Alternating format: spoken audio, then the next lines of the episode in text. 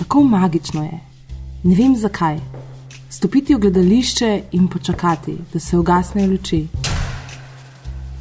Zelo tiho je in potem se začne dvigati zavesa. Vredno je rdeča in že vstopite v nek svet. Vstopite v svet filma, igrati začne pesem Blue Velvet Bobija Vintona. Na platnu zasijajo jasno modro nebo, belo pobarvana ograja in rdeče vrtnice. Idilično sekvenco umirjenega življenja v malem ameriškem mestecu Lamberton prekine nenaden šok, ki se konča s pristankom v blatu in spustom kamere pod površje popolne zelenice pred popolno hišo, kjer mrgoli nekaj temačnega, nekaj strašljivega.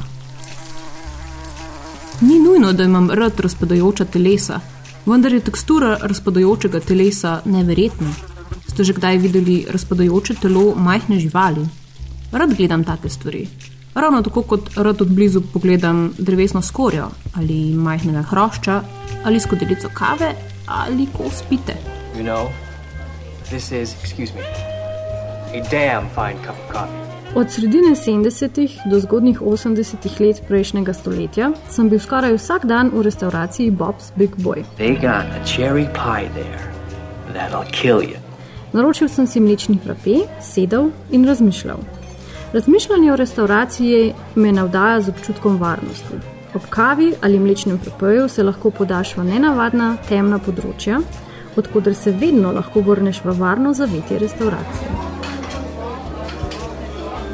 Podobno velja tudi za linčeve filme, ki te v varnem zavetju kinodvorane popeljajo v globoke, nenavadne in temačne prostore nezavednega.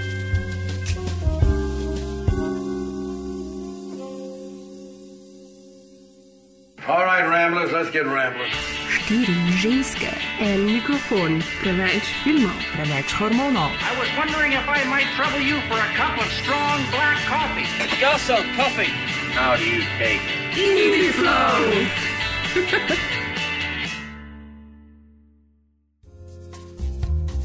Pozdravljeni v drugem delu serije Indie Flow, v kateri se bomo skozi zgodovino ameriškega neodvisnega filma sprehodili v osmih enournih oddajah. V prvem delu smo se pogovarjali o očetu sodobnega indie filma Johnu Cassavetesu in njegovem celovečernem filmu Sence oziroma Shadows.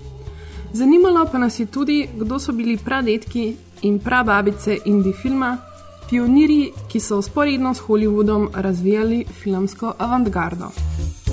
Danes se bo Jana, Jujo, Maja P, Haj, Maja V, Zdravo in Ana podajamo v malo bolj čudne vode.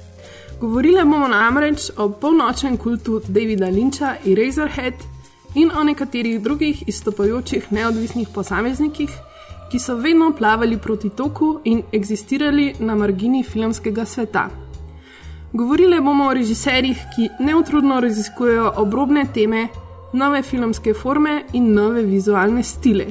Ti avtori so tudi v svojih filmih dom največkrat ponudili outsiderjem, čudakom in neprilagojencem. Ne bojijo se temne plati človeške narave in na svoje karte vedno stavijo proti pričakovanjem publike. To so avtori, ki so indie filmu pravzaprav dali njegov glavni umetniški impuls. Eden izmed takih avtorjev je tudi David Lynch, ki je v mainstream film pripeljal duh avantgarde. Njegov celovečerni prvenec Eraserhead velja za enega izmed najbolj čudnih, pa tudi vplivnih neodvisnih filmov. Did you and Mary have sexual intercourse? Why? Did you? Why are you asking me this question? I have a very good reason. And now I want you to tell me. I, I'm very. Uh, I love Mary. Henry, I asked you if you and Mary had sexual intercourse. Well, I don't, I, I don't think that's any of your business. Henry, I'm sorry. you're in very bad trouble if you won't cooperate. Mother! Answer me. I'm too nervous. There's a baby. It's at the hospital. Mom! And you're the father. That's impossible. It, it's only. They're still not sure it is a baby. It's premature, but there's a baby. After the two of you are married, which should be very soon, you can pick the baby up.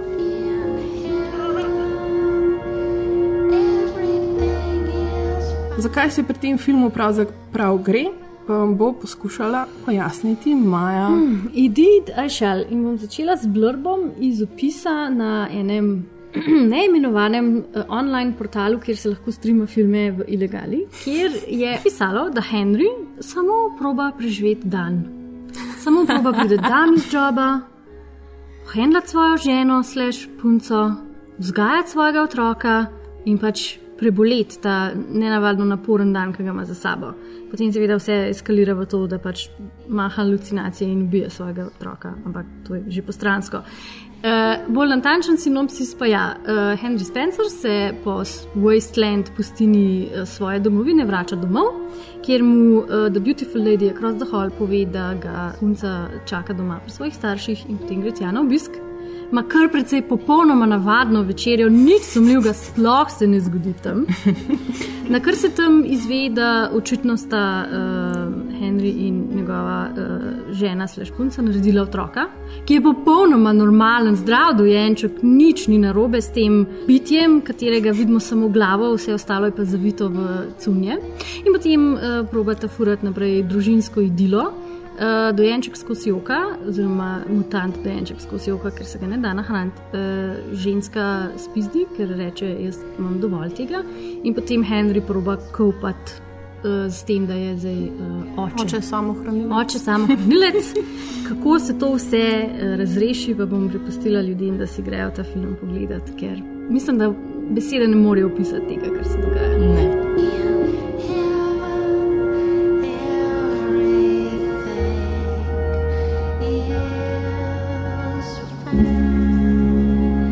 Odkar obstaja ta film, vsi uh, se sprašujejo, o čem se pravzaprav gre.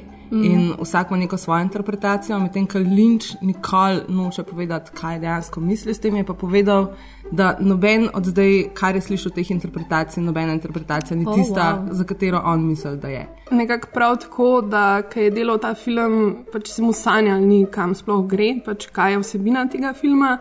In ker je že skoraj obupal, pač ta film je res snimal pet let, mm -hmm. zelo dolg časa, je iz police pač vzel Biblijo in v tej Bibliji prebral en stavek. In ti stavek mu je nekako pol zgradil celoto filma, ampak je rekel, da nikoli nobenemu ne bo povedal, kjer je kjer stavek je to bil.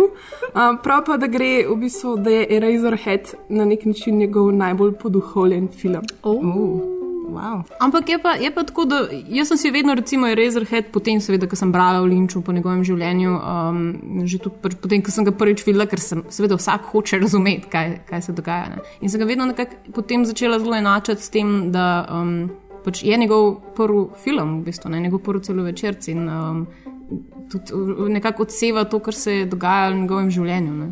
Recimo, opisuje ga s tem, da je to shoestring surrealism. Um, spra- pač, kar je sicer tako malo hecno meni, pač kako bi lahko naredil zdaj sploh ful zelo. Um, Ful zelo drag, surrealističen film. Mislim, seveda bi ga lahko, ne. Pač najel bi Dalija, pa bi vse pač poslikal, pa pač naredil. To bi že Benuel ja. delal, tako da. Exactly, ja. Pač don't, been there, done that. Ja, ne. exactly. Jaz mislim, da je res, da imaš lahko ful veliko uh, interpretacij, ampak um, če se pa pogleda, pač, kako je on živel, pa vem, če gremo malo Freudovsko interpretirati. Ja, jaz mislim, jaz, meni je bilo težko razumeti, da je film težko interpretirati, ker sem, so mi zdele nekatere stvari dosti očitne. Uh -huh. Še posebej, če veš to njegov ta backstory, kaj se njemu takrat dogajalo, ker on se je očitno takrat preselil v Pensilvanijo, uh -huh. kjer je v bistvu živel v nekem getu, kjer je v bistvu bilo veliko kriminala in tako. Pa in, Pensilvanija v bistvu zgleda kot to mesto, kjer je pač film posnet. ne. Ja, ja. Ker je Ja, pač ta težka industrija. Ja, in, črpuje pač in glasbo, in uh, scenografijo, najverjetneje iz tega mesta. Uh, v glavnem preselil se je takrat njegova nova žena, ki sta imela otroka, ne, hčerko, uh, novo rejeno. In ona je imela takrat nek problem z nogami mm -hmm. in je imela veliko operacij, in tudi zaradi tega.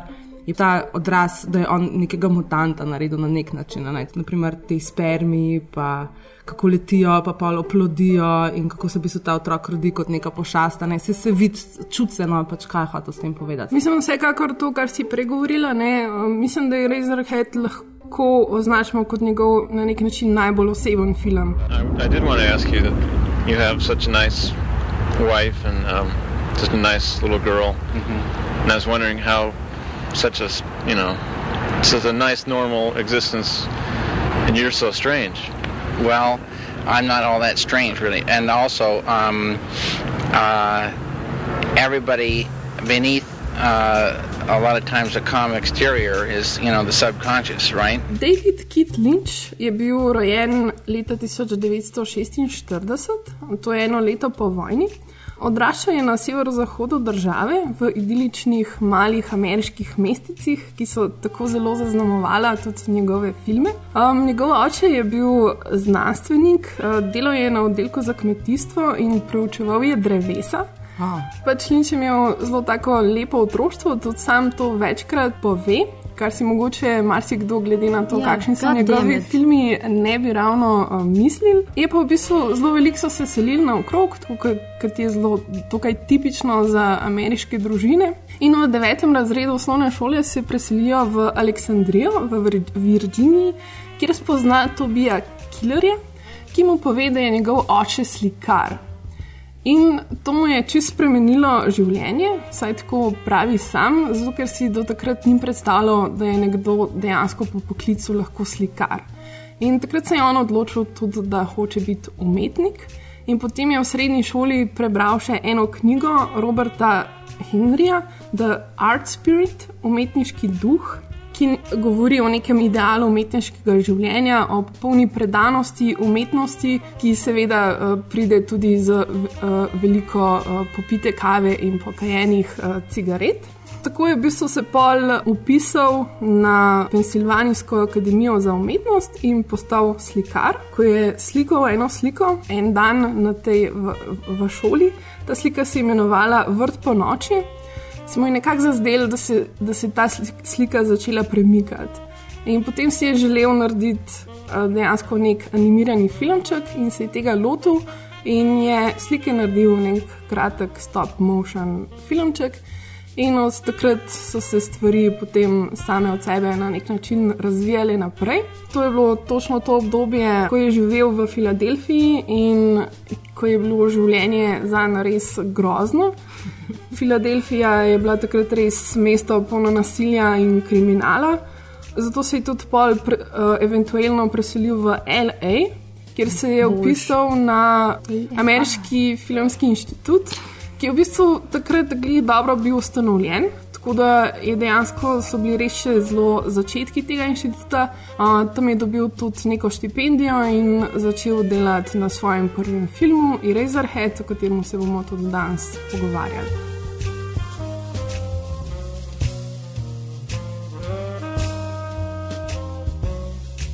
ko je prišel na, na Ameriški filmski inštitut, je v bistvu naredil več kratkih filmov. In potem je dobil na podlagi tega štipendijo. In zanimivo je, ker si rekel, da je bil upornik, uh Mhm. -huh. ker je že hotel nehati.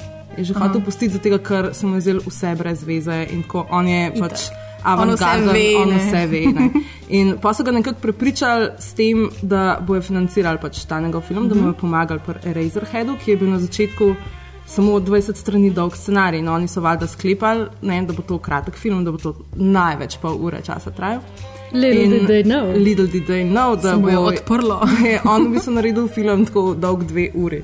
Uh, in so ga že hoteli v bistvu skenslati, ker je bilo pač čist bizarno, vse skupaj in niso razumeli, kaj se dogaja.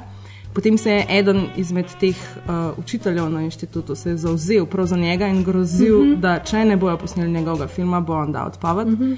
In, in tako je pač film postavljen. Potem po eni, po eni projekciji mislim, da je potem skrajšal na eno Ja, uro pa ja. pol. ure. Ja, pa film je bil res v produkciji več, več let. Ke, mislim, da ta ena scena, ko Henry pride domov, pa odpre vrata. Je prime za kluko, pa pa en let mine, pa pa se še vrata ja, ja. In bojda je pač ta igralec, kaj je že? Jack Nance. Ja, je imel to čupo res en let, pa pol skoraj skozi. Pač, Ne, nisi se smel, nisi smel uh, ustriž pet Ja, let, neki ta No, neka Ja. taka ridiculous scena. tako. Precej, ja. Ja. Ne, se mislim, da je kar huda fritura. Ja, pa- Ampak pa- a je v bistvu to izviralo iz tega, da je pač on umetniško ni vedel, kaj narediti, ali denarja ni Ne, imel? keša ni imel. Pač preprosto čista Ja. vikend snemanja. Ja, pač basically ta profesor se je za njega zauzel, pa so pa crowdsourcali manj, pa pa kaj ga je dobil, ga je dobil. Mislim, da je bilo boje, ja. ker vsem se mi zdi, da je Lynch skozi ta film predeloval glih te svoje um, išuje, ki jih je imel, o katerih si prej govorila. Imel je tudi pač zelo malo denarja, ki si ga je pol tudi sposodil od očeta in mislim, da ste mu oče in brat tudi takrat rekla, tako hej, mislim, kaj se greš. Ne? Tukaj um, mi ti zdaj pomagamo, doma imaš pač hčerko, da se malo vzemi v roke, pa probi to dokončati. Sam, mislim, da je bilo tako, da sta ona rekla, da iz tega filma ne bo nič, najci resen job. Um, in pa je njega v bistvu to, da sta ga ona za to nerealna tla postavila, ga je v bistvu prepričal, da more pa zdaj res to, če ta film. Prav, ja, tu porniški, ja. kao, ne, ne, zdaj popolno. In pa si najdel službo in je raznašal Wall Street Journal. In s tem denarjem, ki ga je s tem zaslužil, je v bistvu um, dokončal film. Se pa vmes, v bistvu, pač ta film je snoval pet let in vmes se je ločil tudi od te svoje prve žene in je dejansko začel živeti na setu. Kar se mi zdi, da se tudi pač v tem filmu dosti pozna. To je, to je zdaj recept za to, da naredite film kot je Razorhead. Zapomnite si. Ločite se in živite na setu. Ja. Wow. Ja, in the dirt. Oh my god. Basically, če snemate v svojem stanovanju, že tako božne. Ja. The whole thing is, is uh, has a, a dreamlike quality to it, for sure. You can't tell a lot of times whether things are real or whether they're they're not real. So that's so. that's that could be that's a fine statement, you know. But it's more a dream than a, than a nightmare, I think. Well, I mean, there's where you get why these things are, you know, why everybody has a little something different to say, yeah. because it's it's up to you know whoever's writing or whoever's viewing to you know to make up their own mind about what's what's going on. Zelo jasno ta film govori za mene o tem, kako se soočati s starševstvom, pa z od, odraščanjem do določene mere, še posebej, če se ti zgodi ena situacija, za katero ne planiraš, ergo otrok, ki se rodi mal drugačen, pa kako intimne odnose vzpostaviti z drugimi, sam s sabo. To je, to je zagotovo ena od najbolj uveljavljenih interpretacij. Ja, tega filma, I would go for that. Tako da celo, da recimo, zdaj, ko bereš članke, je pač kao, Eraserhead je, je pač ta, zgodba ta o ja, mm. rearing children. Ne, ja. V bistvu zanimivo se mi zdi, ker sem na, recimo, jaz osebno na tej točki v življenju zdaj, ker se najbolj po mojem lahko identificiram s tem, pa mogoče vse me zdaj. Mhm. Sploh zaradi tega, ker je ta nek preobrata, ne, ko boš pač recimo, ne vem, ko si tam neki 30, ko se pač, eh, ne, ljudje ti pravijo, zresen se, zresen se in ti si pač tako. Uh, no. Jaz nisem v resnici resen človek, ampak pač se nihče ni. Ampak, aha, da, ja. Če čisto na kratko, mogoče jih zdaj pač imenujem, pa se potem lahko dejansko pogovarjamo o tem, kaj pravzaprav uh, se ve strinjate ali ne. Ampak za me, recimo, je bil v prvem planu bila definitivno um, izolacija. Bilo je to neko neidentificirano mesto, industrijsko, ki zgleda zelo negostoljubno, tako neorgansko zgleda. In se mi zdi, da pač ni bilo narejeno zato, da v njem sploh živijo ljudje, ampak pravzaprav samo stroji lahko bivajo. Ne. Že od začetka, ko imamo pač Henrija, ki plava nekje tam po vesolju in uh, se mi zdi, da pač on je edini, on je samo v tem vesolju, tako širna, širni nič je okrog njega. Ne. In potem pristane v tistem mestu, ker pač tudi nihče drug ni na ulicah, ne kot on. Ko se pa začne vsa ta zgodba dogajati, seveda, ne, ko ga povabijo pač na večerjo k uh, staršem in tako naprej, imamo pa pač temo splava uh, oziroma ne v bistvu otroka, mm. ki je pravzaprav za mene bil na neke sorte splavljen. Ja, v bistvu je bil, bi mogel ostati splavljen. Ja. Ta ženska, ki mu pravzaprav ukrade življenje, te Henriju. Uh, rodi ta izrodek, s katerim se zdaj ne ona, ne ona, ne morete identificirati, in je v bistvu nek, nekaj nedokončanega, sam ne more preživeti, Um, in kasneje vidimo, da se mu, bo, da se mu še roga, v bistvu, ne, še v bistvu, ker smeje se mu obraz, pač ne, ti si me naredil, poglej, pač, kako si fejlan.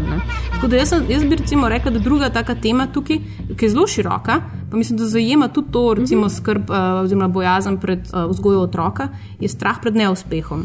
In sploh za njega, pač, ki je tudi umetnik, seveda bi to lahko, seveda, zdaj prenesel na to metaforično raven in rekel, da je to linčev lastni strah pred neuspehom, ne na nekem začetku umetniške karijere. Ne ko pač on v bistvu mora roditi umetniško delo. Njegovo delo je pravzaprav njegov otrok in se boji, da bo, da bo to delo izrodek, Spod, da bo slabo, da bo nedokončano. Hkrati če nam pa zdaj vemo še ta biografski podatek, da je pač dejansko imel otroka takrat. Um, mislim, da je tukaj zelo močan strah, da, da se nekako boji, da mu bo ta ženska ukradla prihodnost, ga priklenila na sebe. In tukaj mogoče ne gre nujno za žensko, ampak bolj za nek simbol družbenih mm -hmm. pričakovanj v tistem mm -hmm. času. Tako čist in potem nekakšna tretja tema, ki se pa potem proti koncu bolj začne nekako iz, izločevati, je pa spolna represija oziroma frustracija, ki je pa neka taka značilnost povojne generacije. Zdaj, če pogledamo veliko teh avtorjev, recimo tudi um, teh, ki bomo danes omenili, so zelo zaznamovani s, s tem enim začetkom zavedanja o tem, kako je pomembna seksualnost. V tem času, recimo, sploh v 50-ih, 40-ih, 50-ih je bil Freud noro popularen v Ameriki, v bistvu odkrili so Freuda v Ameriki. In, in takoj, ko so ga odkrili um, ljudje, navadni ljudje, so ga takoj odkrili tudi oglaševalci in uh mhm. -huh. so njegove teorije začeli pač v oglaševanju uh -huh. ne, mhm. uporabljati. Tako da um, tukaj imamo pač tudi neko dvojno ženske vloge, seveda mama in kurba, ne, ampak imamo še tretje bitje to neko angelsko dekle, ki ga pa bo rešilo. Ne.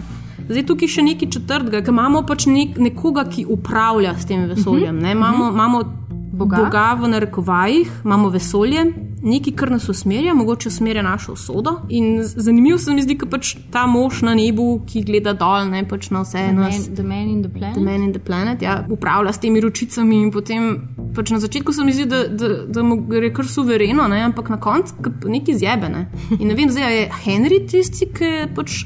So mogoče svojo usodo spremenil in je potem, a veš, a je, a je tukaj zdaj to zelo čisto Tu pa lahko se zdaj pač še več tri ure pogovarjamo o tem, ne, kaj bi to mm -hmm. pomenilo. Mislim, jaz, jaz recimo nimam definitivnega smisla v koncu, ne vidim. Jaz sem se zelo identificirala s tem, kar si ti rekla, da gre za to neko njegovo umetniško delo, ki je njegov otrok, ki pač si želi, da bi bil zdaj. Ne vem, strah ga je, da ne bo dokončano, da ne bo pač to ok. In, in ta strah, na kakšen način ga Lynch zna komunicirati, na kakšen način v bistvu ti lahko začutiš ta strah skozi njegove filme, no, mi je res super.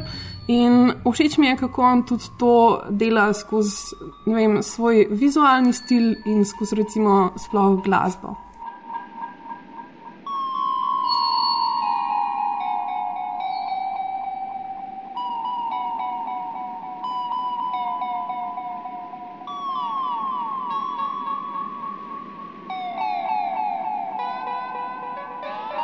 Ja, sigurno je Lynch uh, z glasbo veliko prispeval k temu občutku tesnobnosti in strahu in izolacije in vsem tem temam, ki si jih ti prej bojana omenila. Mislim, zvok je ful pomemben v tem filmu. Sam Lynch je rekel, da je to 50% njegovega filma Eraserhead. Zvok je delal z Alanom Spletom, ki sta se spoznala na snemanju uh, kratkega filma Grandmother. In s tem filmom sta v bistvu tudi oba dva začela delati na Ameriškem filmskem inštitutu. Ona dva sta si doma v garaži naredila nek svoj uh, domači studio, kjer sta v bistvu vse zvoke sama posnela, vse zvoke se sta, sama obdelala.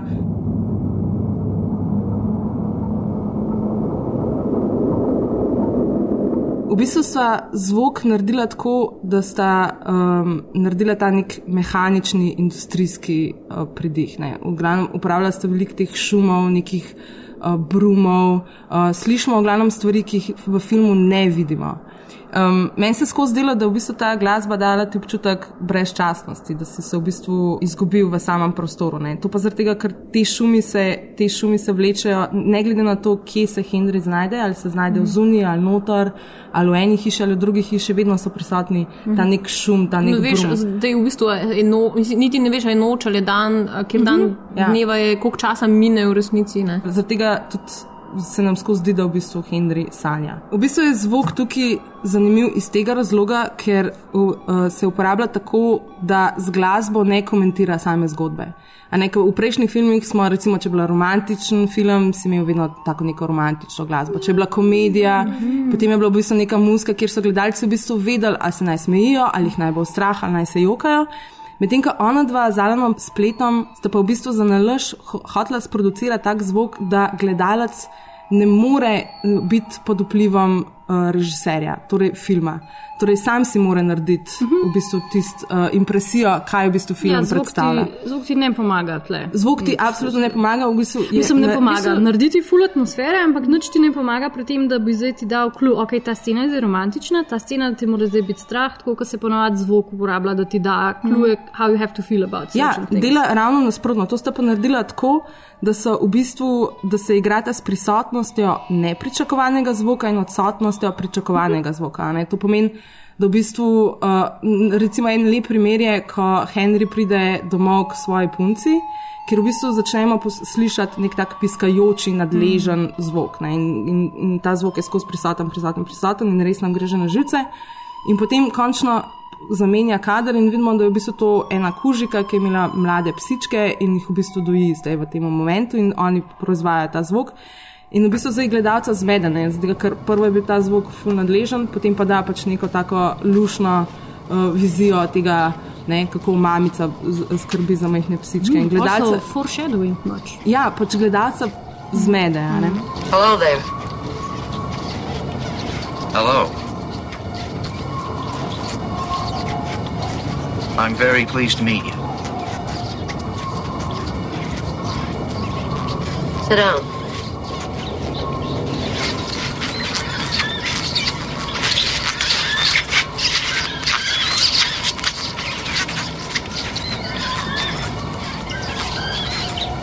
Henry, isn't it? Yes. Pač diso, disociacija, ne? ker pač Ja. ja. ni asociativna. Mm. Recimo Ja. zvok pa ne daje teh asociacij, ki bi, ti, uh, ki bi jih mogel imeti. Tako. tako da pač ti se tudi skozi sprašuješ, odkje sploh prihaja ta zvok. Ne? Ja. To, je, to je meni, v bistvu, jaz, to, to, se- zdaj v bistvu, zdaj sem drugič gledala, sploh. Prvič se sploh ne spomnim, da bi te zvoke sploh slišala.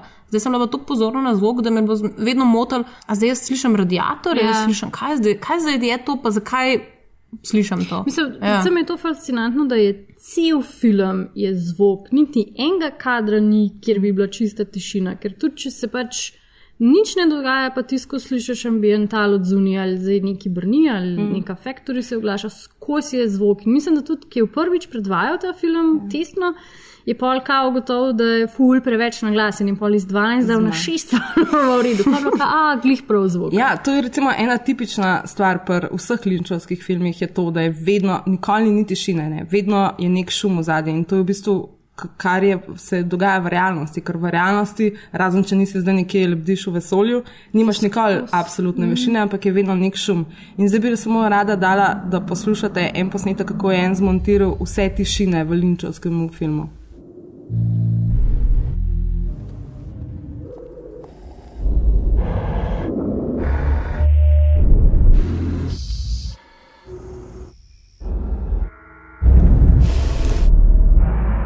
bistvu zvok je zdaj postal res um, pač z Razorheadom tako eden izmed glavnih linčevih trademarkov. Če ne bi gledal vizualno filma, bi takoj vedel po zvoku, kaj je linčev film.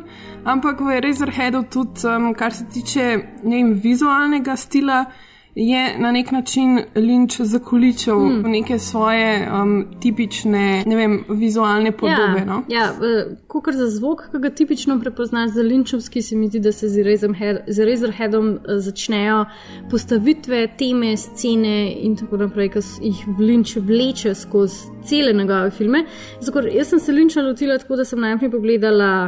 eh, Blue Velvet, pa sem pa pogledala Lost Highway in se mi zdelo, oh, okay, to sta ista filma.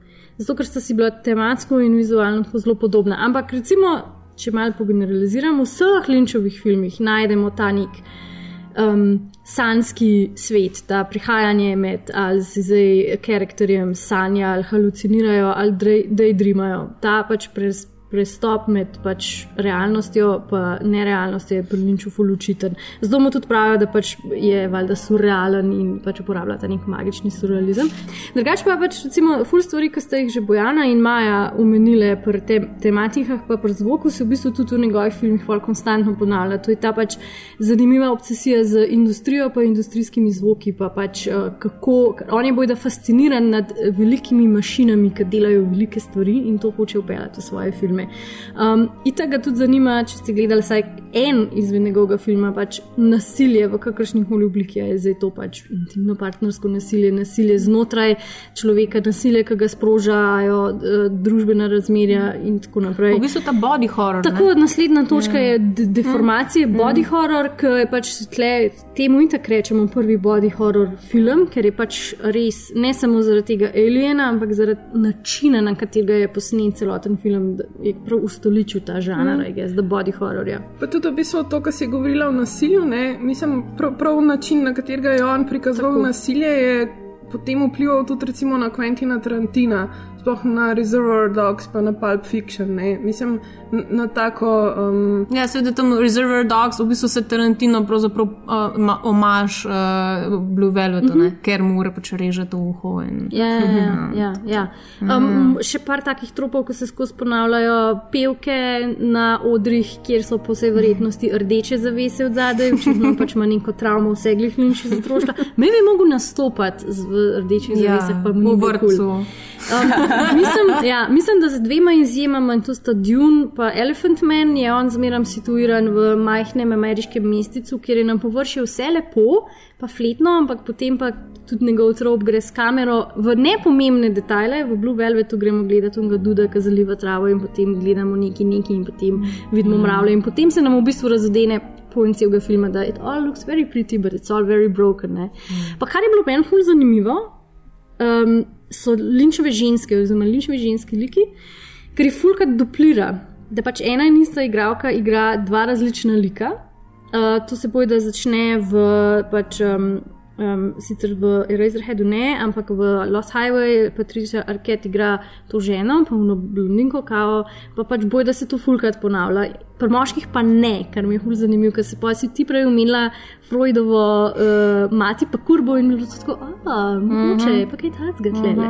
Um, drugače je pa tako um, zanimivo, ko sem pač brskala po njegovem stilu in kako on je, da velja za njega, tako kot za njegovo musko, tako ko vidiš linčev film, veš, da vidiš linčev film, ampak ful malo ljudi ti bo pa znal točno povedati, zakaj vejo, da gledajo linčev film, ker je pač tok out there. And this is Netherworld is a real good uh, thing because like Eraserhead doesn't take place in any known city or it's um, it's on the fringes sort of of a city and it's uh, people that are that live in industrial uh, where at, like after five o'clock you know there's nobody nobody around and these people are are of a certain certain type like Henry and, and Mary are all they've got caught in the past. They live in their own time, and there's not a whole lot happening that uh, is normal. Another another world. Mislim, da ima neki tudi zihar uh, tukaj vmes malo ta nostalgičen film, mm -hmm. ki ga on uporablja zelo veliko glasbe iz, svojem, uh, iz 50-ih, ne, ki so mm -hmm. pač. Uh, Ja, tam mu je všeč, tam se je on očitno dobro počutil. Prav, da je tam, da je tam se je.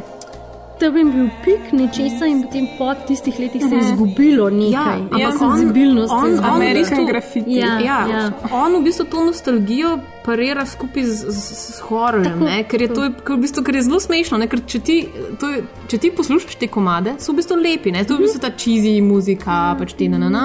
Sam fakt, takoj ko ga pa pač on dobi v roke, pa potem zelo ta neki eerie, ta neki grozljiva Pač, ja, on primes. drugo, vedno drugo konotacijo. Ja, glasbo, ne. postane, Tako, ja. ker naenkrat ta Blue Velvet, ker je res najlepša glasba, mm. tako 50 leta. Ne? In mm. potem naredi v bistvu tako, spre, v bistvu je spremenil neko perverzijo. Ne? Mm. Ker Mhm. Blue Velvet ni nekaj, zdaj, nekaj lepega, pa romantičnega, ampak krati tako res nekaj full perverznega v tem filmu. Ja, v bistvu ful dobro opis njegovega tega, kaj pomeni linčen, lin- linčanovstvo, da pač poveže makabre pa mundane, pač mm. res makabre stvari, pa res banalne vsakdanje domače stvari. In pa v bistvu v kombinaciji tega, ki se prekrivata, pa razkrivata, se pač pol ta nek neugodje oziroma nelagodje znotraj njegovih filmov, ki se pa sprevrže pa na to horor pa nasilje.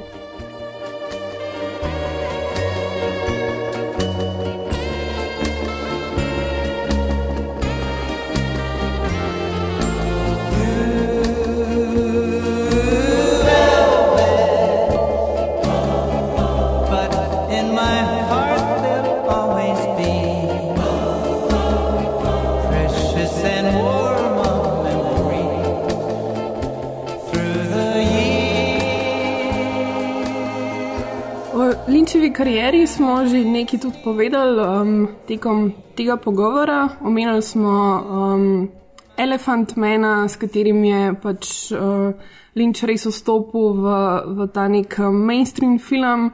Ta Elephant Man je bil tudi zelo uspešen, nominiran je bil kar za devet Oscarjev. Uh, zaradi tega filma je Paul dobil tudi priložnost, da režira Dune, ki je bil seveda potem velika polomija. Um, iz Duna je potem dobil vsem priložnost, da naredi Blue Velvet, ker so ljudje ugotovili, da mogoče pa vsem boljš, da režira malo manjše, pa čisto pač svoje filme.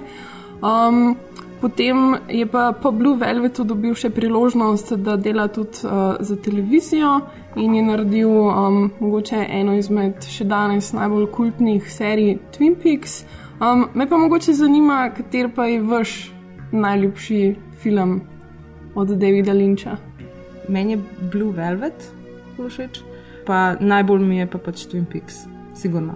Twin Peaks me je tudi zaradi vseh likov, um, vse mi je debesno. Ti bi šla lepo živeti sam tja in nosila te Ja, ne, pogovore. jaz, se, jaz se res identificiram z tem detektivom uh, v Twin Peaksu, mm. ki pride pač v neko mesece, kjer so ti detektivi, ki delajo vse, kako je treba. Ne?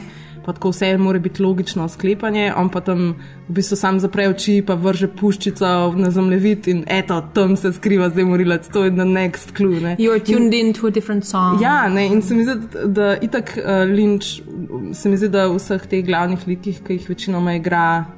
Kaj, kaj je McLaughlin? Yes. McLaughlin. Uh, se mi zdi, da, da, da, da je veliko njega v teh likih. No. Se mi zdi, da on isto, na isti način tudi uh, režira svoje filme, kot njegove liki, recimo, se spopadajo uh Mhm. -huh. z realnostjo.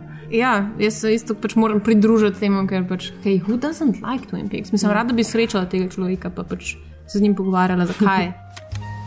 Diane, it struck me again earlier this morning. There are two things that continue to trouble me, and I'm speaking now not only as an agent of the Bureau, but also as a human being.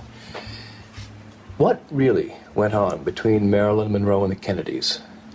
And who really pulled the trigger on JFK?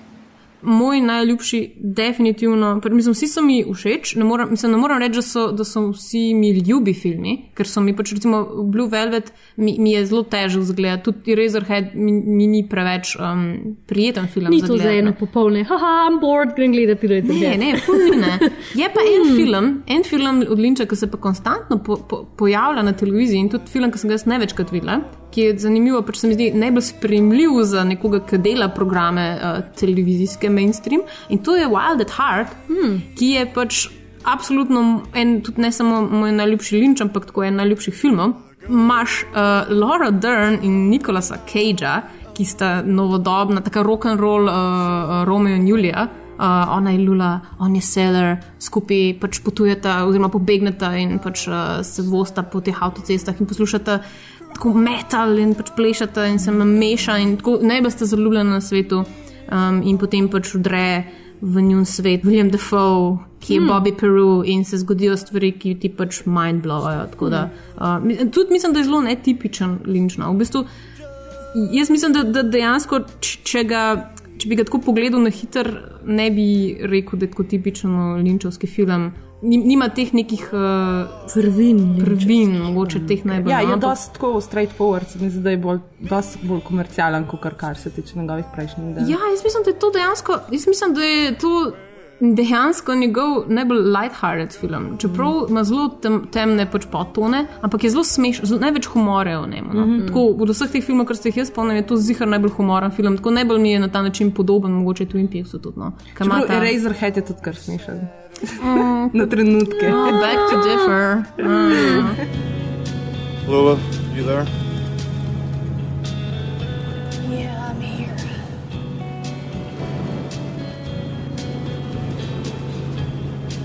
You upset with me? It's just shocking sometimes. When things aren't the way you thought they were. Right, jaz bom pa svoj vod dala Lost Highway, uh, zato ker Ramštajni. Mm. Ja, in jaz imam tukaj zgodbico, da je uh, David Lynch bil, je še kar popoln fan Ramštajnov in medtem na snemanju skozi nabijal Zenzuh tudi njih. In potem Noro. so tako dobili pač mail, oziroma najbrž faks v tistem času, e, David Lynch bi rad uporabil dva komada v vašem filmu in so bili vsi ramštajni tako, oh, Kdo- valjda, je- kdo je ne, ne, ne, Lynch? so, so vedeli, so vedeli. In pa so še pač uh, posneli briljanten video za Ramstein komat. Uh, ki v Lost Highway uporablja. Drugače pa tako sem jaz leta in leta bila ful tako zagovornik tega, da ne, pa ne, se Dune ni tako slab, se je to ful dobro, because I really love Dune knjige, pa pač tudi druge filme, ampak ne, sem slab. Okay. Hotla sem, da je dober, pa ni. Meni je David Lynch na splošno zelo blizu, njegovi filmi so mi vsi eni izmed najljubših. Prav znotraj njegove, uh, njegovega opusa pa mi je najbolj do srca segel siguren film The Straight Story, resnična zgodba, ki je, kot že naslov, ki, ki, kot že naslov pove, uh, je edini um, Lynchov popolnoma, line, popolnoma linearna zgodba. Um, govori o enem ostarelem možaku, ki se odloči, da se bo uh, s tem mehkim traktorčkom za kosit travo odpeljal na drugi konec države do svojega brata, s katerim sta skregala, uh, ker se želi pač z njim pobotati. In res gre za totalno toplo um, in heartbreaking zgodbo. Ki ima tudi uh, neverjetno dobro glasbo, in ta film me vedno spravil tako v, v oboje, v totalno, mislim, tako res postaneš žalosten in jokaš, ampak hkrati si totalno srečen. Rose, darling, I'm gonna go back on the road, and I, I've got to make this trip on my own. I've got to go see Lyle. I know you understand. Alvin, you're gonna get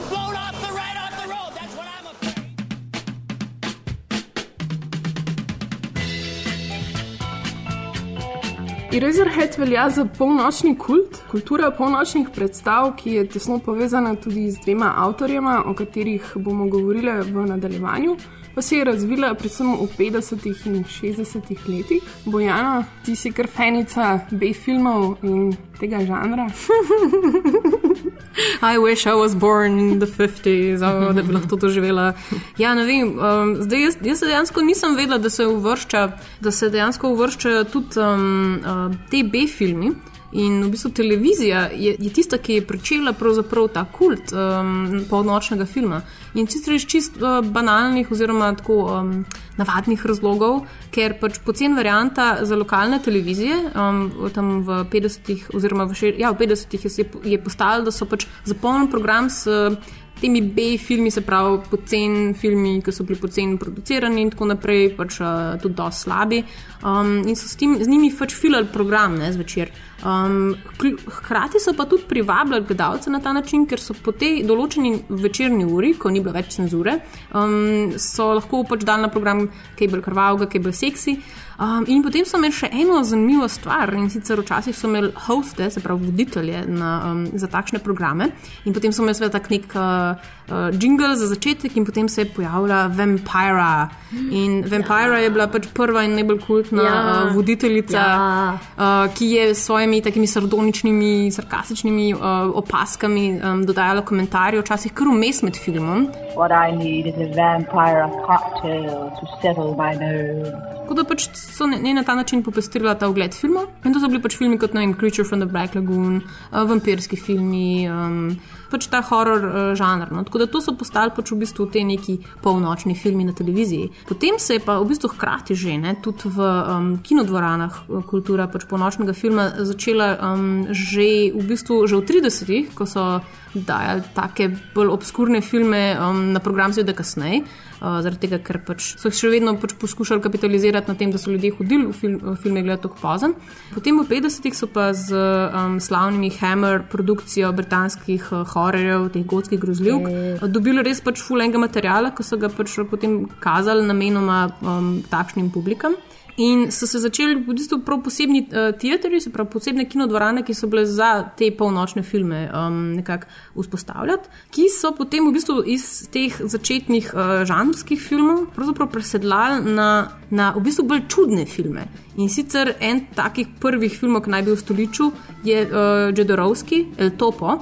Ki je bil pravzaprav um, špageti western uh, na Acidu, v bistvu, na gobicah. Ja, um. Kjer njegov film ni nekaj na jesidu. In to so takrat imeli priložnost ugotoviti tudi vsi um, mladi in pa uh, ljubitelji filma, ki so nekako ugotovili, da ta film je bil čisto na ključno pač na, na pro, programu takrat, ampak so se začeli, ljudje so res začeli hoditi to gledati full na veliko in potem so bili filmi kot je Night of the Living Dead uh, od Romera, uh, Freaks, ki sem ga že prej, um, se mi zdi, omenila, um, um, Makunalma, nek brazilski film, ki je črna komedija, ki je pač čist obskuren, ampak to so filmi, ki jih niso nikam, nikamor mogli v bistvu dati. ne. V bistvu, tako, n- noben jih ni hotel kupiti, ne, pač mogoče so prvič, ko so jih dali v, v um, distributeri v obtok, so flopili, mm. ampak.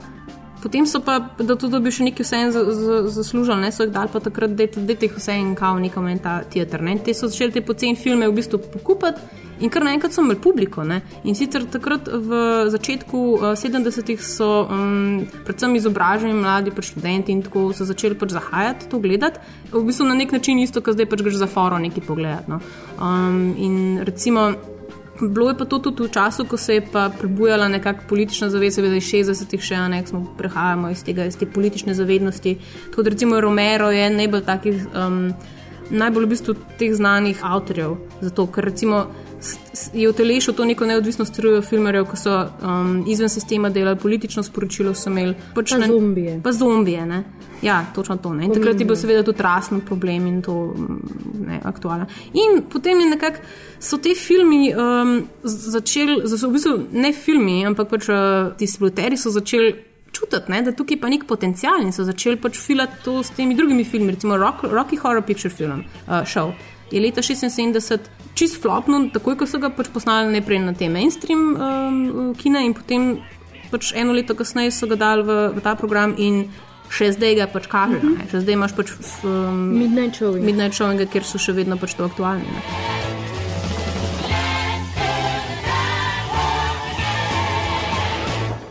Že ob koncu 70-ih se ta trend zelo hitro, tako kot se je začel tudi izčrpal.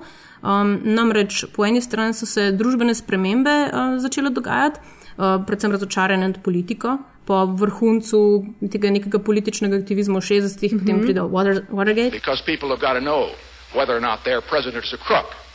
Well, I'm not a crook. Mm -hmm. pa, kom, pač nek konformizem, nova, mm -hmm. nova, novi ja. konzervativci. Nič se ni zgodilo. Točno to, nič se ni nič se ni spremenilo. tako da so začeli pač, uh, ok, ne, ni bilo več te kontrakulturne ja. um, manije. Ne. Po drugi strani je pa še bolj pomembno, so se pa pojavili blockbusteri Ja. proti koncu uh, 70-ih. Uh, seveda, odrasla je generacija novega Hollywooda in nekatere te značilnosti uh, filmov, ki so jih takrat lahko predvajali samo v, v, v po- polnoči, tudi zaradi cenzure, so se zdaj kar naenkrat lahko predstavljali v mainstream. Recimo Jaws je bil en ta pač, mm. seveda, tipičen film. ne. Um, tako, da je, um, tako da so te publike so zdaj v bistvu začele hoditi na navadne kine. Ne. Um, kar se je pa še, v bistvu še hujš bilo, je pa to, da se je pojavila nova tehnologija, Oh, ki ne. je pa omogočila poceni distribucijo na poceni nosilcu za gledanje filmov v obdobju domačega kavča in sicer video. Glavnem pač video ni pomenil konca samo za radio, ampak tudi za pač polnočne filme. Um, ti so sicer živijo, živijo še vedno naprej s projekcijami na kampusih, na, pač, na koledžih um, in v posebih, posebnih kinodvoranah in pa tudi s takimi ponesrečenimi poizkusi, kot je recimo zdaj le čisto svež remake um, uh, Rocky Horror Picture Show. Še enkrat, Saj, to so tako kot ti infamous uh, reruns od serij.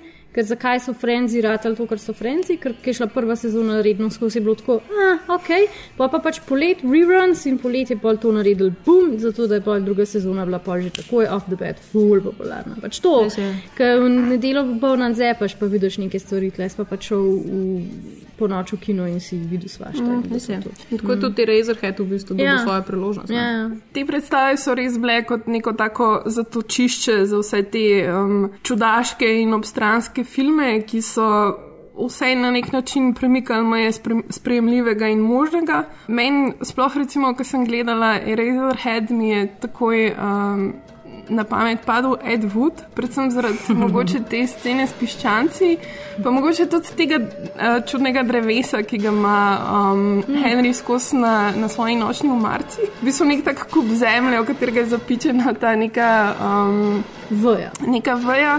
Pa če gre za neke te res preproste, odbite scenografije, ne vem, v katerih res vidiš, da pač so delali z minimalnim budžetom, da je nekdo ne vem, imel res neko čudno idejo, ki se mu je zazdela, da je kul. Cool in vem, potem, ko to gledaš na filmu, dejansko izpade n- noro zakonno. Mislim, da ti res nek tak nenavaden občutek tega pač eh, filmskega sveta. Je pa v bistvu Ed Wood bil um, ameriški režiser, tudi pisatelj. Mislim, da je napisal pač čez nekih 50 šundromanov. Bil je dokaj nepoznan, dokler, dokler ni leta 1980 posthumno prejel a, to slavno Golden Turkey nagrado za naj, najslabšega režiserja vseh časov. A, čisto nefair, by the ja, njegov film Plan 9 from Outer Space, pa za najslabši film vseh časov. Oh. In to, kot je Bojana re- rekla, je totalno nefair, ker v bistvu njegovi filmi so tako res. Najbolj popolni za en tak um, res zabaven midnight filmski večer. No, mislim, še zmeraj so ful slabi, ne? ampak mislim, hočem reči, imamo še ful veliko slabših režiserjev zdaj, ne? Na, na srečo. Mm. Definitivno. Um, mislim, res vam priporočam en tak um, filmski maraton njegovih filmov, filmov Plan 9 from Outer Space, Night of the Ghouls, pa Bride of the Monster, ki nekako eh, dejansko sestavljajo ne, nekako ta, ne, eno tako esen, esencialno Ed Wood polnočno trilogijo. Je pa v bistvu ta, ta nagrada, ki sem jo omenila, ful ukrepila zanimanje za njega, pa pol je še. Um, V bistvu, par let kasneje je Tim Burton o njegovem življenju posnel biografski film Ed Wood, kjer Ki mu ful pomaga, v bistvu, da ga Johnny Depp igra. Ja, sem te hotel vprašati, a igra Johnny Depp? Ja, ja. dobro. Čeprav tudi Ed Wood je bil bekar jebač, ne, mislim, on je kar dobro zgledal. tako. Kljub temu, da se je oblačil ženska. Pač, ne, kljub temu, da pač ni bil tako neki. Mislim, jaz si ga tako predstavljala, sem si ga vedno iz knjige, veš, kao, kot nekega tako res enega reveža, enega bogiga, pač ke tako nič mu ne rata.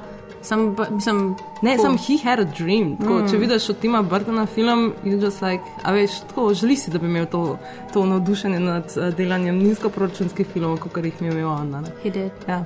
Ja, definitivno, po moje, če ne bi imel take neke eh, goreče želje, če ne bi bil tak ekscentrik, ne vem, če bi lahko sploh s tem uh, ne, verjetno v takih pogojih, ki je on delal, naredil kakšen film. I'm supposed to do a thriller at Universal, but they want Charlton Heston to play a Mexican. Ah, Mr. Wells. Is it all worth it? It is when it works. You know, the one film of mine where I had total control, Kane. The studio hated it, but they didn't get to touch a frame. Ed, Yes. visions are worth fighting for. Why spend your life making someone else's dreams?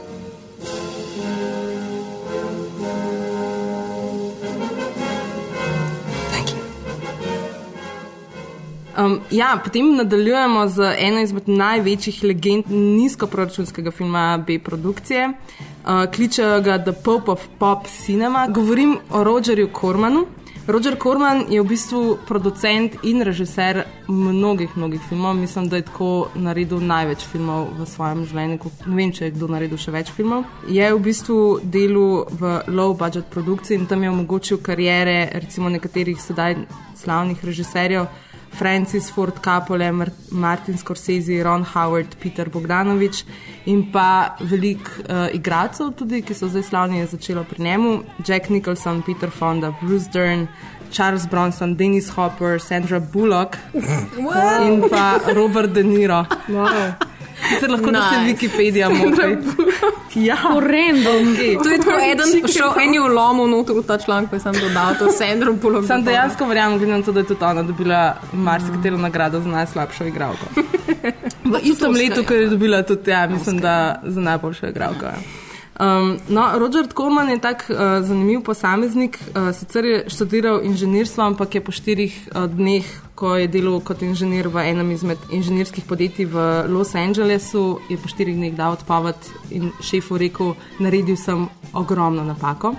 In se odločil, da gre delati v 20th Century Fox. Hmm. Dobil je pa delo tako, da je kar enemu producentu rekel: Hej, delam zate za ston, sam dajte mi nekaj zadelati, jaz hočem delati v filmski industriji. Hitro se je pospel po tej lestvici in dobil scenarij filma Gunfighter z Gregory Peckom.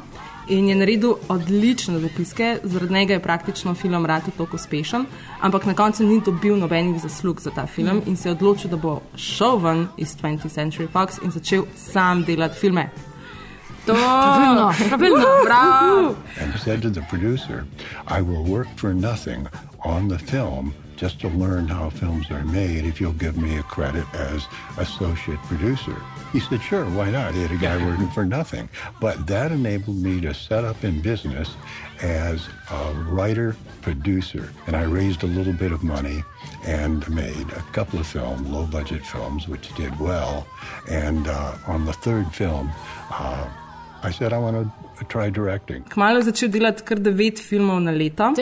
Uh, učil se je pa hitro ran zaradi teh uh, polnočnih projekcij, pa double feature screening, zato ker je v bistvu vse filme, tako kot jih je naredil, jih je mogel takoj dati v distribucijo, da, Da potem, ja, da, da je potem lahko začel delati naslednji film. Tako je v bistvu lahko delal filme, pač take filme, kot je občinstvo všeč. In s tem je v bistvu dosegel tak velik uspeh in njegovi filmi so kar naenkrat ratali ful popularni, čeprav so bili pač zelo slabo narejeni. Mm. Zato, ker s tem, ko je on delal hitro filme, je včasih pozabil pač na kvaliteto Ja. filma. Zdaj, tipičen primer Kormonega filma je en izmed njegovih prvih najuspešnejših filmov, The Little Shop of Horrors, ki ga je naredil leta 1960.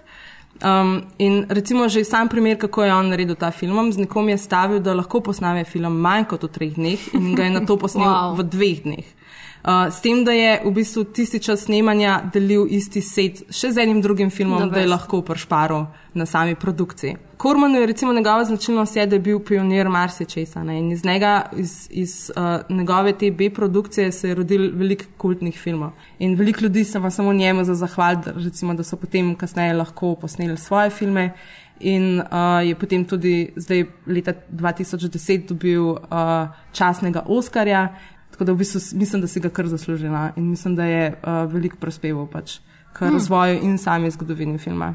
Ja, on je v bistvu svojo lastno industrijo imel filmsko. Ja. On je bil motor te tako, usporedne Ja. filmske Je industrije. pa ena, uh, recimo Jack Nicholson ima eno super anegdoto o njemu, ki več pove o njegovem karakterju. I was doing The Raven.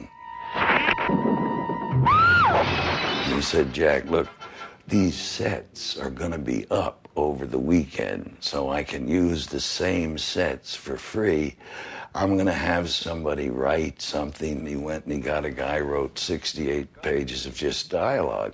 To this day, no one knows the plot of The Terror.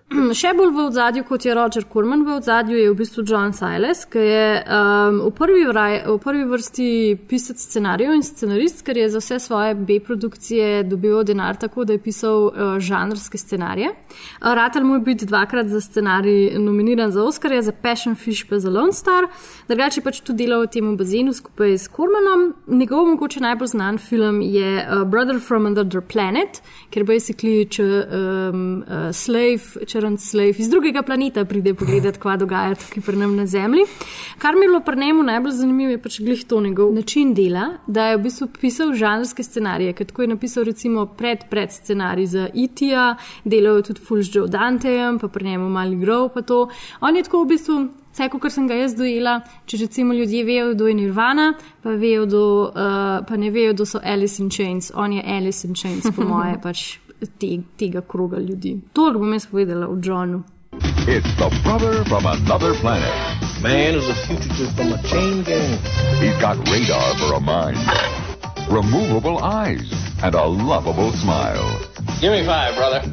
Po nam pa ostane še en John in sicer John Waters. Če recimo lahko rečemo, da je Lynch to pop kulturo oziroma to, ta pop uh, 50-ih, um, s katerimi je odraščal, potem nekako kor- ukorporiral skupaj s hororjem, je John Waters um, v bistvu iz, iz tega naredil komedijo oziroma satiro. Ne. Njemu pravijo v bistvu Grandfather of Trash. Je pa zaradi tega, ker je pač praktično najbolj trashy režiser vseh časov. Um, rojen 46.